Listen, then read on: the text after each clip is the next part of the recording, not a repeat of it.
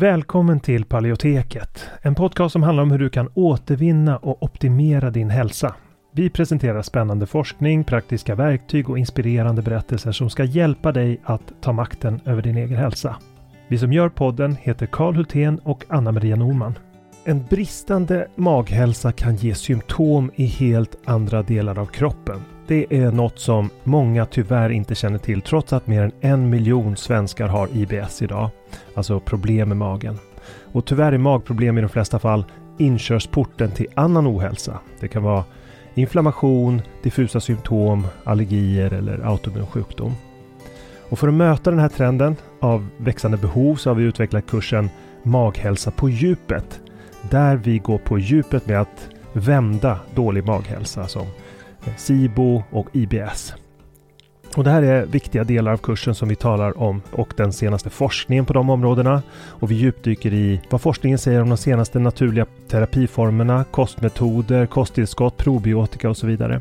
Och kursen den kickar igång fredagen den 3 maj och har fyra olika faser och tre frågestunder live. Och dessutom har vi olika resurser och guider att ladda ner från kursplattformen. Så du kommer få lära dig allt om hur du kan använda kosten som en väg till läkning, när, var och hur, hur du kan använda olika kosttillskott och probiotika. Och om du redan är medlem i Hälsodetektiverna så får du som vanligt en rabatt på allt vi gör, så även den här kursen. Och den här kursen tror vi är en perfekt väg för dig mot en bättre maghälsa där du inte bara får lära dig ett metodiskt tillvägagångssätt för att minska dina symptom utan också förstå de underliggande orsakerna. För att läsa mer om kursen och anmäla dig till den går in på paleoteket.se och klickar på utbildning. Eller klicka dig vidare från länkarna i podcastbeskrivningen.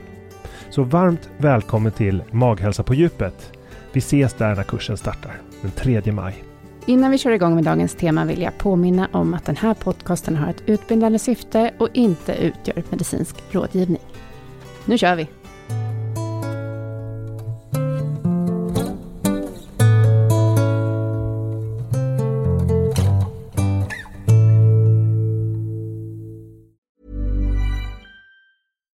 Why don't more infant formula companies use organic, grass fed whole milk instead of skim? Why don't more infant formula companies use the latest breast milk science? Why don't more infant formula companies run their own clinical trials? Why don't more infant formula companies use more of the proteins found in breast milk? Why don't more infant formula companies have their own factories instead of outsourcing their manufacturing? We wondered the same thing. So we made ByHeart, a better formula for formula. Learn more at byheart.com. Ever catch yourself eating the same flavorless dinner three days in a row?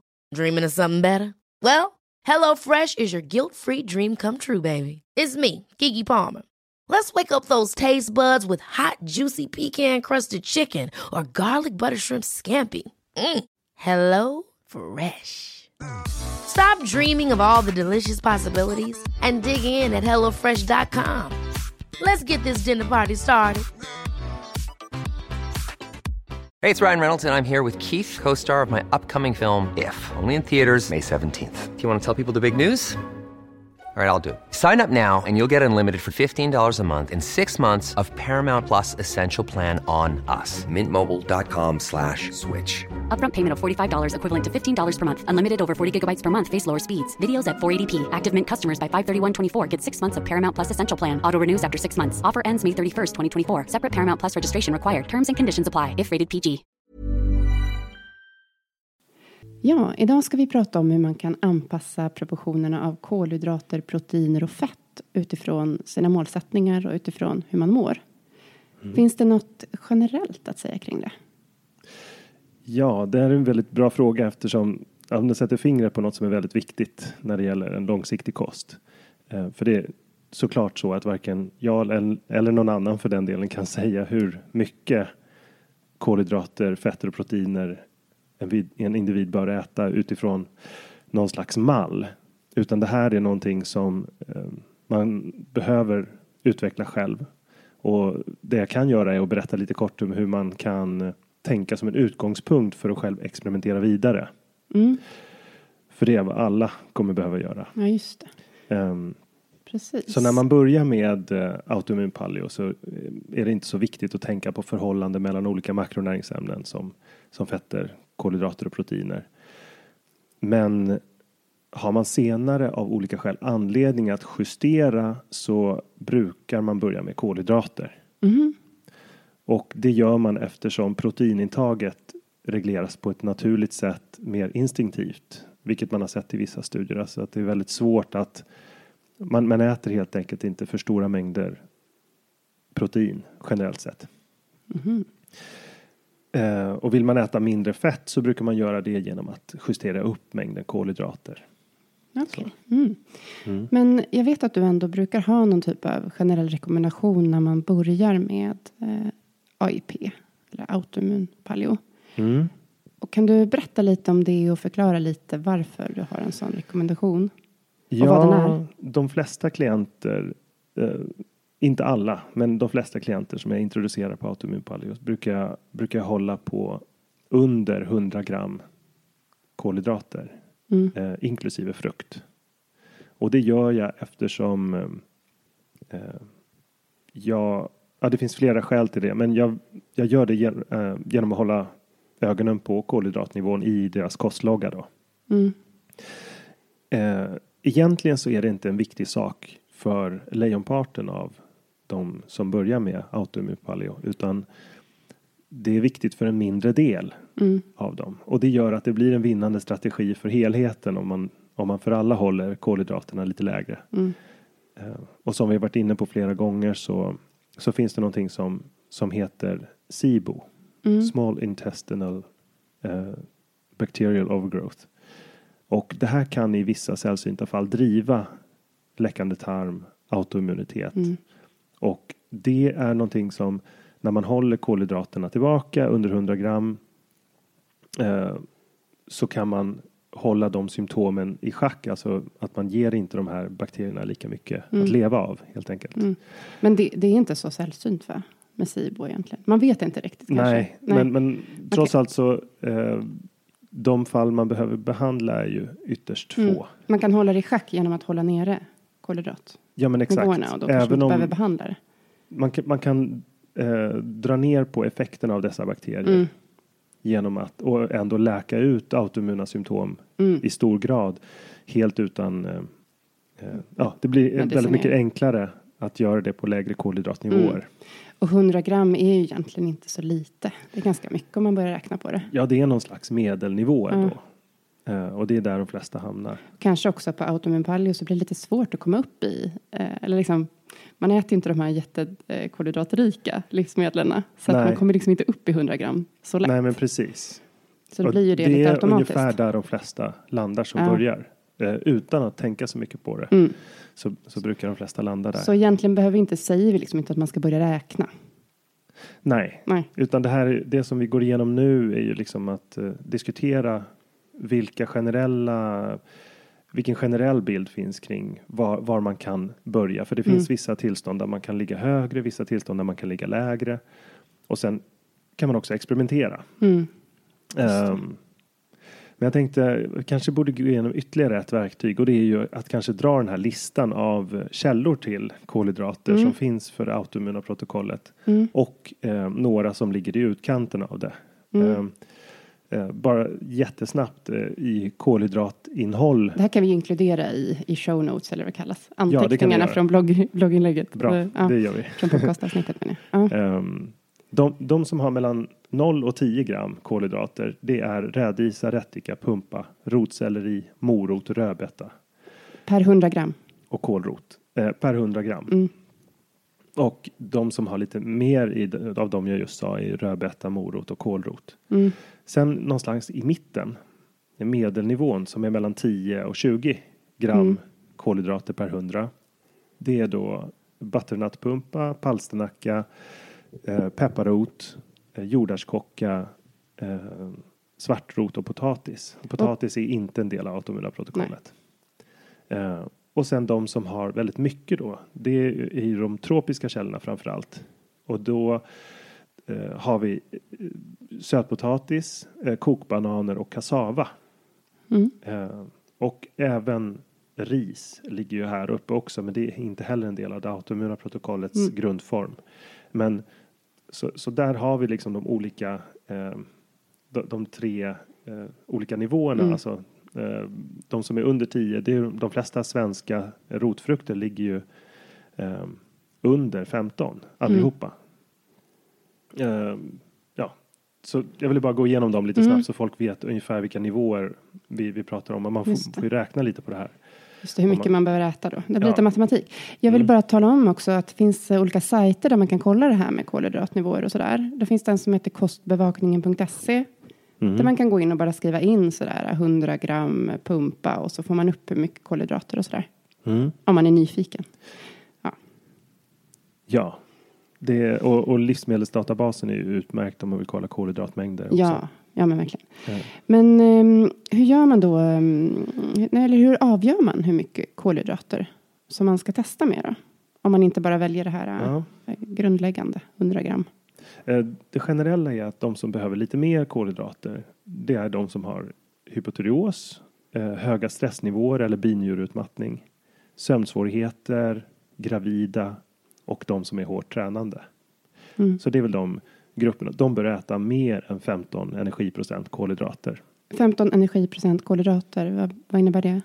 Ja, 15 energiprocent, det, det avgörs ju av hur många kalorier man äter Mm. och hur många gram det blir. Just Men- det, det kan vi att- komma in på senare kanske, Ja, vad det äter man- motsvarar. Ja, det motsvarar om man äter 2000 kalorier så motsvarar 15 energiprocent 75 gram Mm. kolhydrater. Så då får man ju räkna. Det är väldigt enkelt att räkna på Mm. ehm, eh, kaloriinnehåll per gram. Om jag inte minns fel så är det väl 4,5 eh, kalorier per gram. Okej, det här kan vi också skriva kanske, Ja, så det blir rätt. och, och korrigera om jag sa fel Ja, precis. Ehm, Ja, men det finns eh, flera andra saker som avgör hur mycket kolhydrater och fett man äter och, eh, eller behöver äta. Och det är då genetiska faktorer såklart. Eh, målsättning, vad man har för målsättning när det gäller träning kanske. Eh, Eller vikt. ja, eller vikt. Och, eh, sitt häl- och hälsotillståndet eh, eh, kan göra att man väljer olika nivåer. Mm. Men som vi sagt tidigare så börjar de flesta eh, helt utan att eh, fundera så mycket över kolhydrater landar på mellan 15 och 30 energiprocent, eh, vilket är medelnivån. Mm.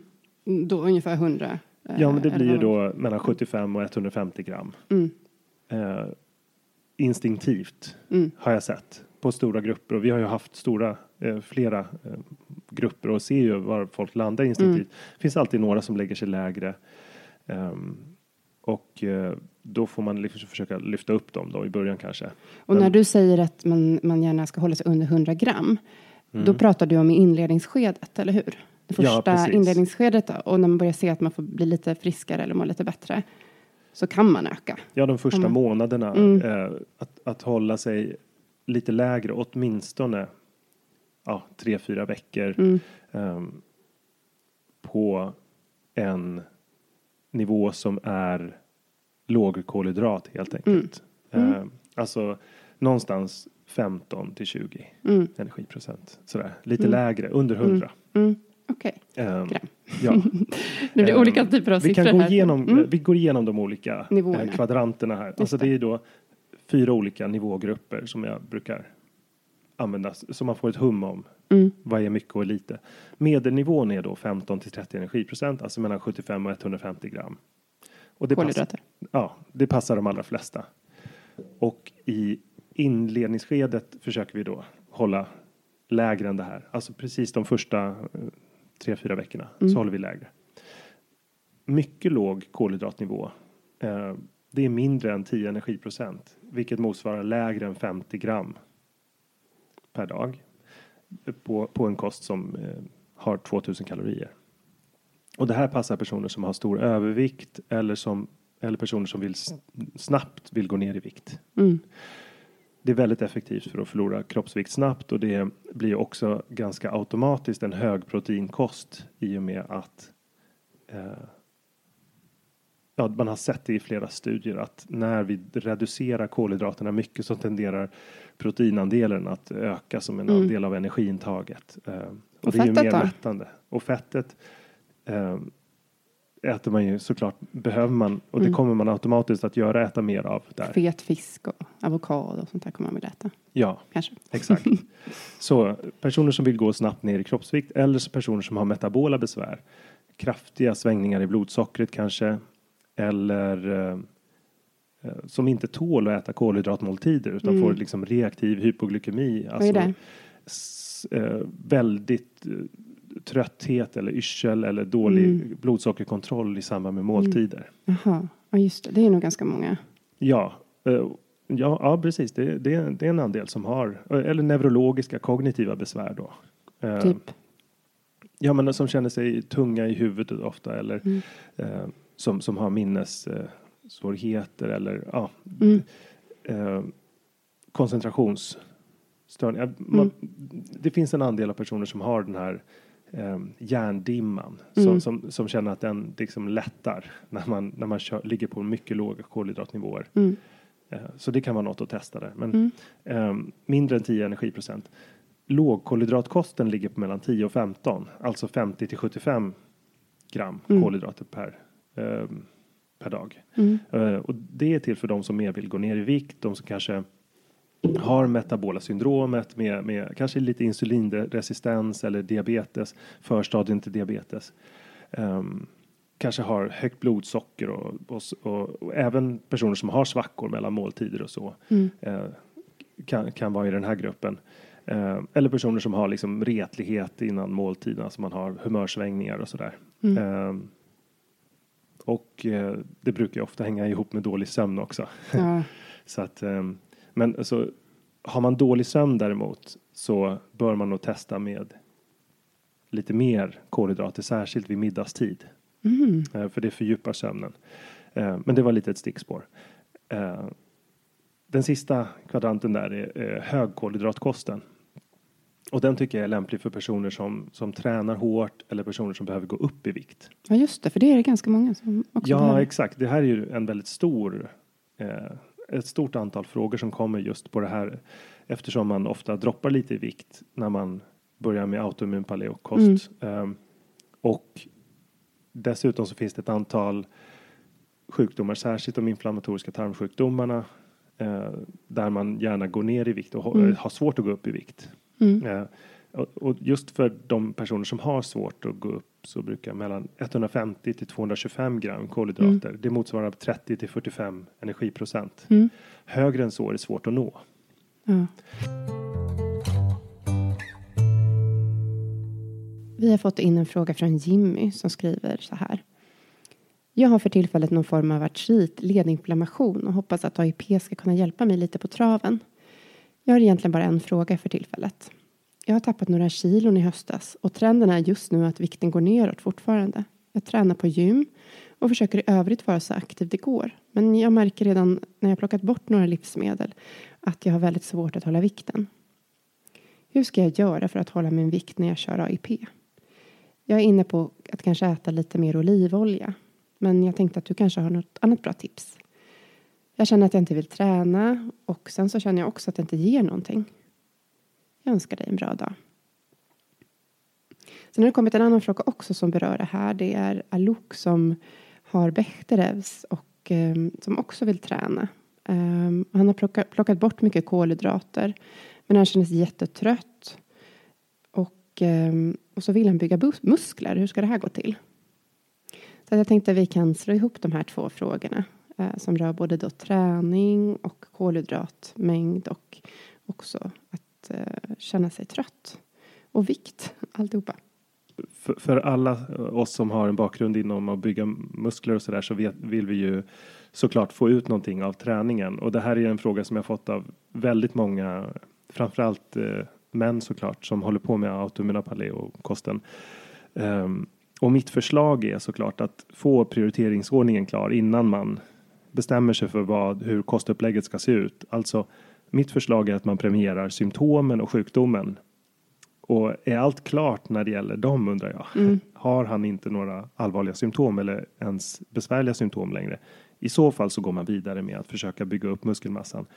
För att när man ska bygga muskelmassa så må- måste man ofta ligga på lite högre energiintag och en kost som, eller ett träningsupplägg som stressar kosten och frisätter kortisol också. Så stressa Så att- kroppen? Ja. det stressar kroppen och Mm. det vanligtvis så höjer det här inflammationsgraden generellt sett och kan då dra igång eh, symptom som har slutat. Så att har man då pågående symptom så är det inte lämpligt kanske att dra på något hårt muskelbyggesprogram utan då lägger man sig på en betydligt lägre nivå. Mm. Eh, kanske kör 30 minuter tre till fyra gånger i veckan och sådär. Mm. Men, ehm, men är det här inte något eh, besvär, är det Mm. inte någon issue längre med, eh, med symptomen, då går man vidare med ehm, att tillämpa såklart en hög kolhydratskost. Mm. Ehm, och eh, Han skriver ju att han vill gå upp i vikt. ja, Eh, Vill man gå upp i vikt så finns det ett antal liksom, verktyg man kan använda och det här rör sig ju lite bortom kolhydrater så jag går igenom dem ganska snabbt. Mm. Men de strategier som jag brukar använda det är att öka intaget av fett och välja olika fettkällor, gärna avokadoolja, olivolja, kokosolja och palmolja. Eh, och blanda dem gärna med kolhydrater. Animaliska fetter också. Ja, Eller hur? nu måste jag nysa. Ah, bra det vad bra du. um, nös inte. Nej, det, Det, blev var inget. inget vad bra Nej. Nej. De- den andra eh, saken är att välja täta kolhydratkällor. Och de tas ju då framförallt ur den sista gruppen som jag nämnde tidigare. De, de som har mer än 20 gram Mm. per hundra. Så, så, och, att man då kombinerar fettet och kolhydraterna. Eh, han kan också fundera över om det skulle kunna vara aktuellt att återintroducera vitt ris och testa det. Mm. Eh, om man nu är symptomfri. Som liksom en av sina första återintroduktioner när han ändå har testat autoimmun paleo ett tag, eller hur? ja, Att exakt. han ändå har känt att symptomen börjar lägga sig och då kan det vara dags för att Ja, det återintroducera ska nog någonting. vara läge att vara väldigt lågt när det gäller eh, symptomen. Mm. Eh, sen när det gäller kryddning så kan man ofta göra mycket. Alltså lite extra salt brukar stimulera aptiten. Mm. Eh, också att ha lite, lite honung eller, och sötning. Alltså Mm. kombinera smaker så att det blir väldigt stimulerande för aptiten.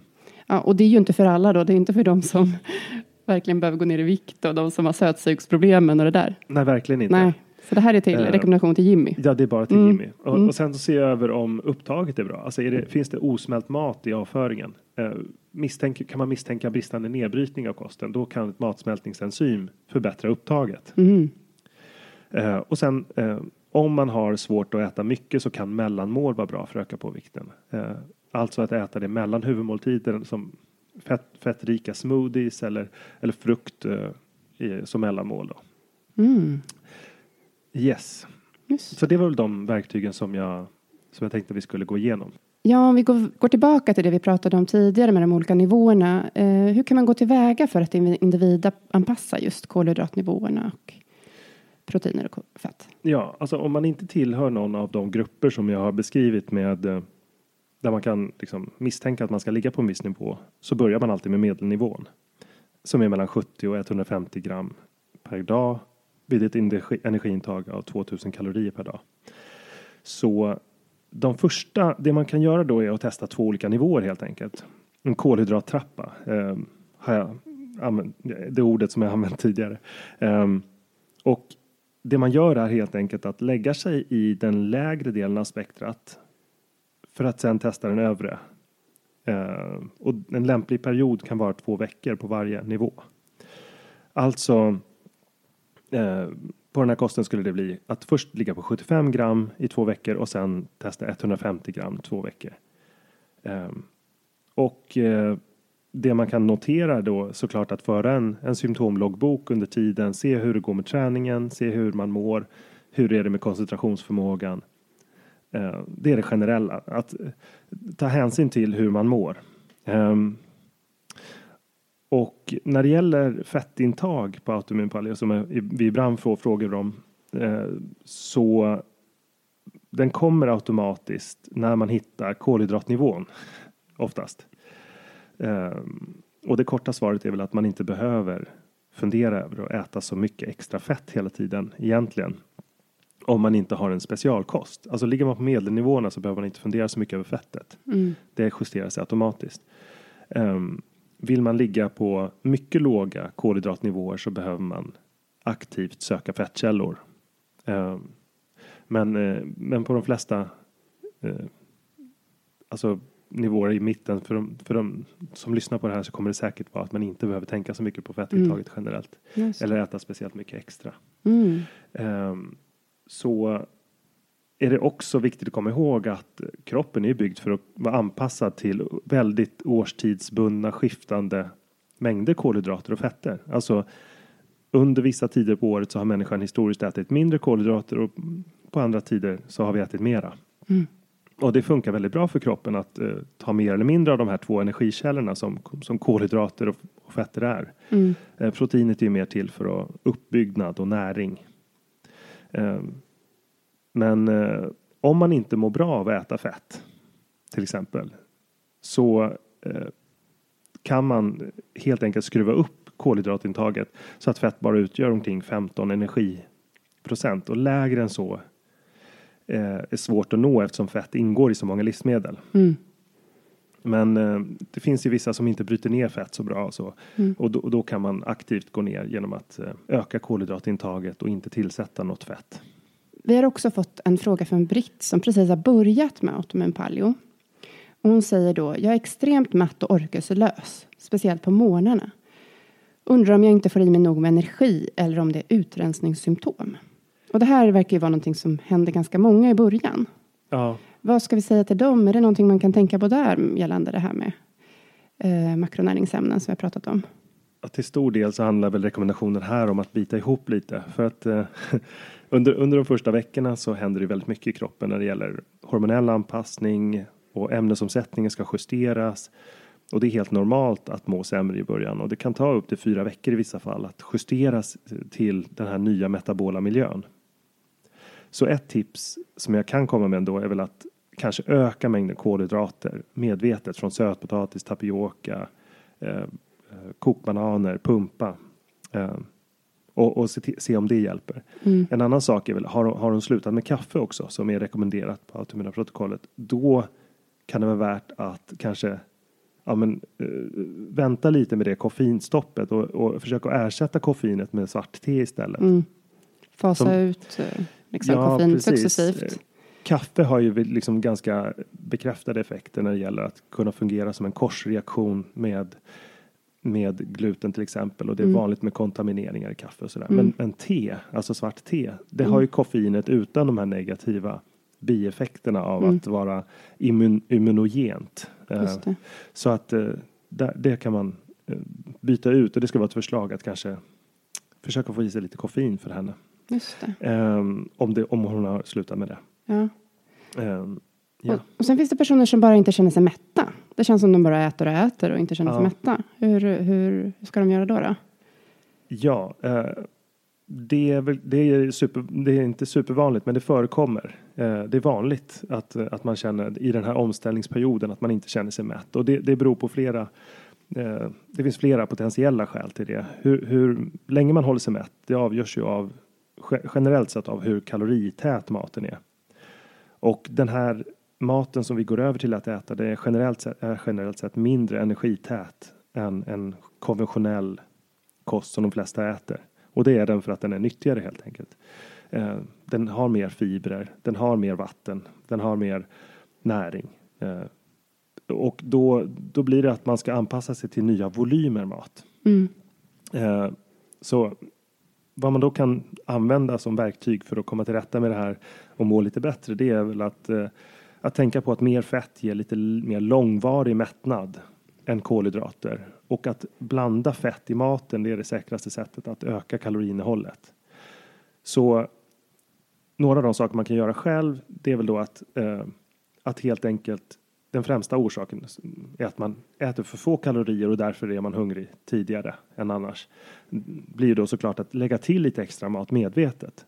Just det. Att eh, äter man en halv sötpotatis på frukosten så, så testar man att äta en hel. Och eh, försöka öka volymen. Det är det första. Det andra tipset jag har är väl att äta lite mer av proteinet. Det är, det är det makronäringsämne som ger mest mättnad per tugga. Och eh, det ger också vissa hormonella signaler till hjärnan om att energiintaget är tillräckligt. Och eh, om man då försöker komma upp i 15 till 20 energiprocent, vilket troligtvis är mer än vad hon äter, Eh, eller mer än vad de flesta äter. Framförallt kvinnor brukar lägga något lägre. Eh, så att medvetet försöka öka proteinintaget kan vara bra. Och sen att öka fettintaget lite medvetet. Att eh, lägg till en tesked fett eh, eh, med liksom titrera uppåt när det gäller fettintaget. Man ska egentligen öka lite av allt. Öka lite kolhydrater, öka lite proteiner, Ja, men det handlar om ögat, proteinet och fettet. Ja. Eh, lite sådär. Eh, jo men absolut. Och, och, Lite större tallrik. gö- Göra motsatsen till egentligen vad, vad man säger när, när det gäller att gå ner i vikt. Ja, Så att flytande kalorier kan vara lite bättre. Eh, De, de här smoothies med massa flytande fett eh, som man, ja, kan, vara- kan vara bra. Eh, ja, nej men det, det Nej men vänta nu, du pratade förut om att man kanske skulle strunta i smoothies då om man att det var bättre att äta riktig mat för att må bättre, för, för att känna sig mätt. Ja, tuggandet i och för sig, alltså smoothies är väl mer som ett komplement. Det som generellt sett ger mest mättnad är ju själva upplevelsen av att äta. Tuggandet ger ju också mättnad också, så det är sant. Ehm, vad, vad smoothies kan göra är att ge väldigt energität mat i väldigt liten volym.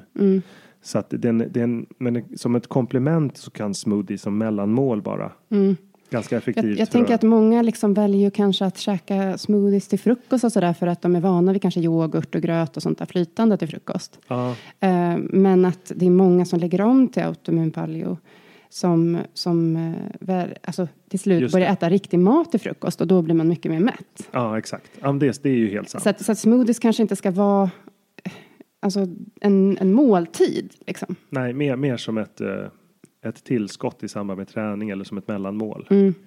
Eh, Men det, det där är väldigt individuellt alltså. Eh, Tuggrörelser och så brukar ge mera mättnad. Men vissa personer har svårt att få i sig något på morgonen också. Mm. Och har man svårt att äta något överhuvudtaget så blir kanske en smoothie-frukost Mm. det som det, det, det, det blir ändå det man kan äta. Och då, då är Istället det för en kopp te. Liksom. Ja. Precis. Okej, men varför ska personer med autoimmuna sjukdomar generellt äta den här medelnivån av kolhydrater egentligen?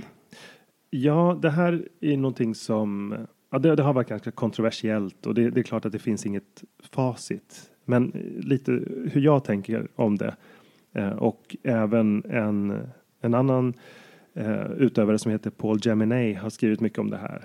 Eh, att det, det finns en poäng för personer med autoimmun sjukdom att äta lite mer av kolhydrater av några olika skäl. Och det, det första skälet som jag tycker är bortglömt det är just bredden i mikrobiomet. För det är så att kolhydrater som finns i kosten eh, de bryts inte alltid ner fullt när de går igenom de övre delarna av tarmsystemet. Eh, utan de, de kommer ju liksom ner i tjocktarmen och blir till energi för bakterier som koloniserar tjocktarmen. Och vad man vet här, det har, sett, det har man sett i hur många studier som helst, är att när man äter för lite fibrer eller för låga kolhydratnivåer, alltså lång, under 100 gram, så börjar man se att eh, mängden, kolhyd- mängden bakterier minskar och bredden minskar. Så det är ganska allvarligt när man har att göra med ett, eh, ett immunologiskt hälsotillstånd där bakterier är så centrala. Vi vet att de är centrala för immunförsvarets reglering. De goda bakterierna. Ja, exakt. Så, att, så att för personer med autoimmun sjukdom generellt så är det bättre att äta medelnivå tycker jag.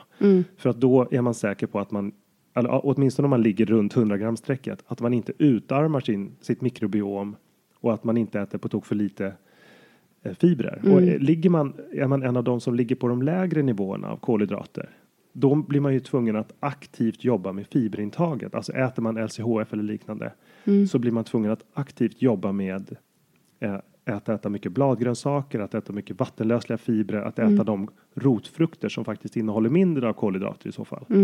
Så att man får i sig de vattenlösliga fibrerna och grunden för de bakterier som ska leva i tjocktarmen så att man inte utarmar floran. Och märker man av att man får förstoppning till exempel, vilket det kan vara ett tecken på någonting annat som är en bieffekt av låga kolhydratintag, nämligen att eh, utsöndringen av mukus, alltså det här slemmet som skyddar slemhinnan, eh, det produceras ju av kolhydrater i blodet. Så att har kroppen en väldigt låg tillgång till kolhydrater så kommer den att skruva ner eh, mukusproduktionen. Och det manifesteras hos en del som förstoppning. Och det är någonting som Alltså mukuset finns ju där som ett mekaniskt skydd för en sl- känslig tarmslemhinna. Mm. Har du en person med autoimmun sjukdom så behöver vi skydda slemhinnan extra och det gör man genom att ha tillgång till tillräckliga mängder kolhydrater i kosten. Mm.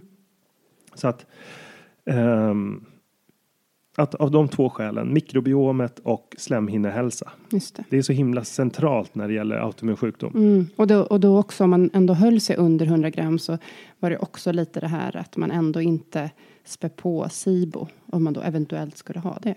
De, Ja. de alltså, Jag, jag tycker att det, man, man börjar på 100 gram eller lägre. Ja, För att eh, liksom inte, inte på ett onödigt sätt överväldiga förmågan hos eh, tarmväggen att ta upp socker. Alltså, man öser inte på med socker. Vi tar ju redan bort socker. Mm. Eh, de de liksom främsta problemen bakom SIBO till exempel det är att man äter stora sockermängder och att det liksom, och tarmväggen som är irriterad inte kan ta upp sackaroset Mm. eller fruktoset ordentligt och det blir en viss del av det blir till mat för de här gramnegativa bakterierna i Mm. tunntarmen. Mm. Men att, att vi skruvar tillbaka på kolhydraterna lite grann, det är mer som en försiktighetsåtgärd som är temporär. Mm. Sen går vi tillbaka till de här normalnivåerna. Så Mm. att man ligger runt, de flesta ligger runt eh, me- mellan 75 och 150. just det. Eh, och då, då ligger man i ett bra spektrum. Sen att fokusera mycket på bladgrönsaker är såklart bra också. Av Mm. flera olika skäl som vi inte ska gå in på nu riktigt. Men Det kan vi ta vid ett annat tillfälle för det är ju superintressant också. ja, Eh, Allting som vi behöver få i oss av olika färger av olika grönsaker och sådär. yes. det kan vi ta ett annat avsnitt. ja. Nu har vi fokuserat på makronäringsämnen, på kolhydrater, väldigt mycket på kolhydrater, men också proteiner och fett har vi pratat om. Mm. Och vi har tagit upp några lyssnarfrågor också. Eh, eller hur? Är vi, är vi, känner oss eh, klara? ja, men det kanske är bra där så Ja. vi inte drar ut för Ja, långt. och jag vill bara säga att eh, påminna att det går jättebra att skicka in lyssnarfrågor till info.paleoteket.se. Slutligen så vill jag bara berätta att Autoimmun kokbok Läkande paleokost finns ute i handeln igen. Den har varit slut ett tag men nu finns den alltså att köpa på Bokus och Adlibris. Imagine the softest sheets you've ever felt. Now imagine them getting even softer over time. That's what you'll feel with Bowl and Branch's organic cotton sheets. In a recent customer survey, 96% replied that Bowl and Branch sheets get softer with every wash. Start getting your best night's sleep in these sheets that get softer and softer for years to come. Try their sheets with a 30-night guarantee. Plus, get 15% off your first order at bowlandbranch.com. Code BUTTERY. Exclusions apply. See site for details. Ever catch yourself eating the same flavorless dinner three days in a row? Dreaming of something better? Well, HelloFresh is your guilt-free dream come true, baby. It's me, Kiki Palmer. Let's wake up those taste buds with hot, juicy pecan-crusted chicken or garlic butter shrimp scampi. Mm. Hello Fresh. Stop dreaming of all the delicious possibilities and dig in at HelloFresh.com. Let's get this dinner party started. Imagine the softest sheets you've ever felt. Now imagine them getting even softer over time. That's what you'll feel with Bowl and Branch's organic cotton sheets. In a recent customer survey, 96% replied that Bowl and Branch sheets get softer with every wash. Start getting your best night's sleep in these sheets that get softer and softer for years to come. Try their sheets with a 30-night guarantee. Plus, get 15% off your first order at bowlandbranch.com. Code BUTTERY. Exclusions apply. See site for details. Tack så mycket för att du har lyssnat på det här avsnittet av Paleoteket. Vi hoppas att det har varit till nytta för dig. Om du vill få hjälp att uppnå dina hälsomål står vi redo att hjälpa dig. Vårt medlemskap Hälsodetektiverna är en gemenskap online där du träffar likasinnade, får hälsoinspiration hela året och kan ställa frågor direkt till oss på våra medlemsseminarier. Nu under våren startar också två onlinekurser. AIP Masterclass är kursen för dig som vill lära dig allt du behöver veta om kostupplägget AIP, autoimmunprotokoll, samtidigt som du blir guidad genom en stegvis process med både läkningsfas, utvärdering och återintroduktioner.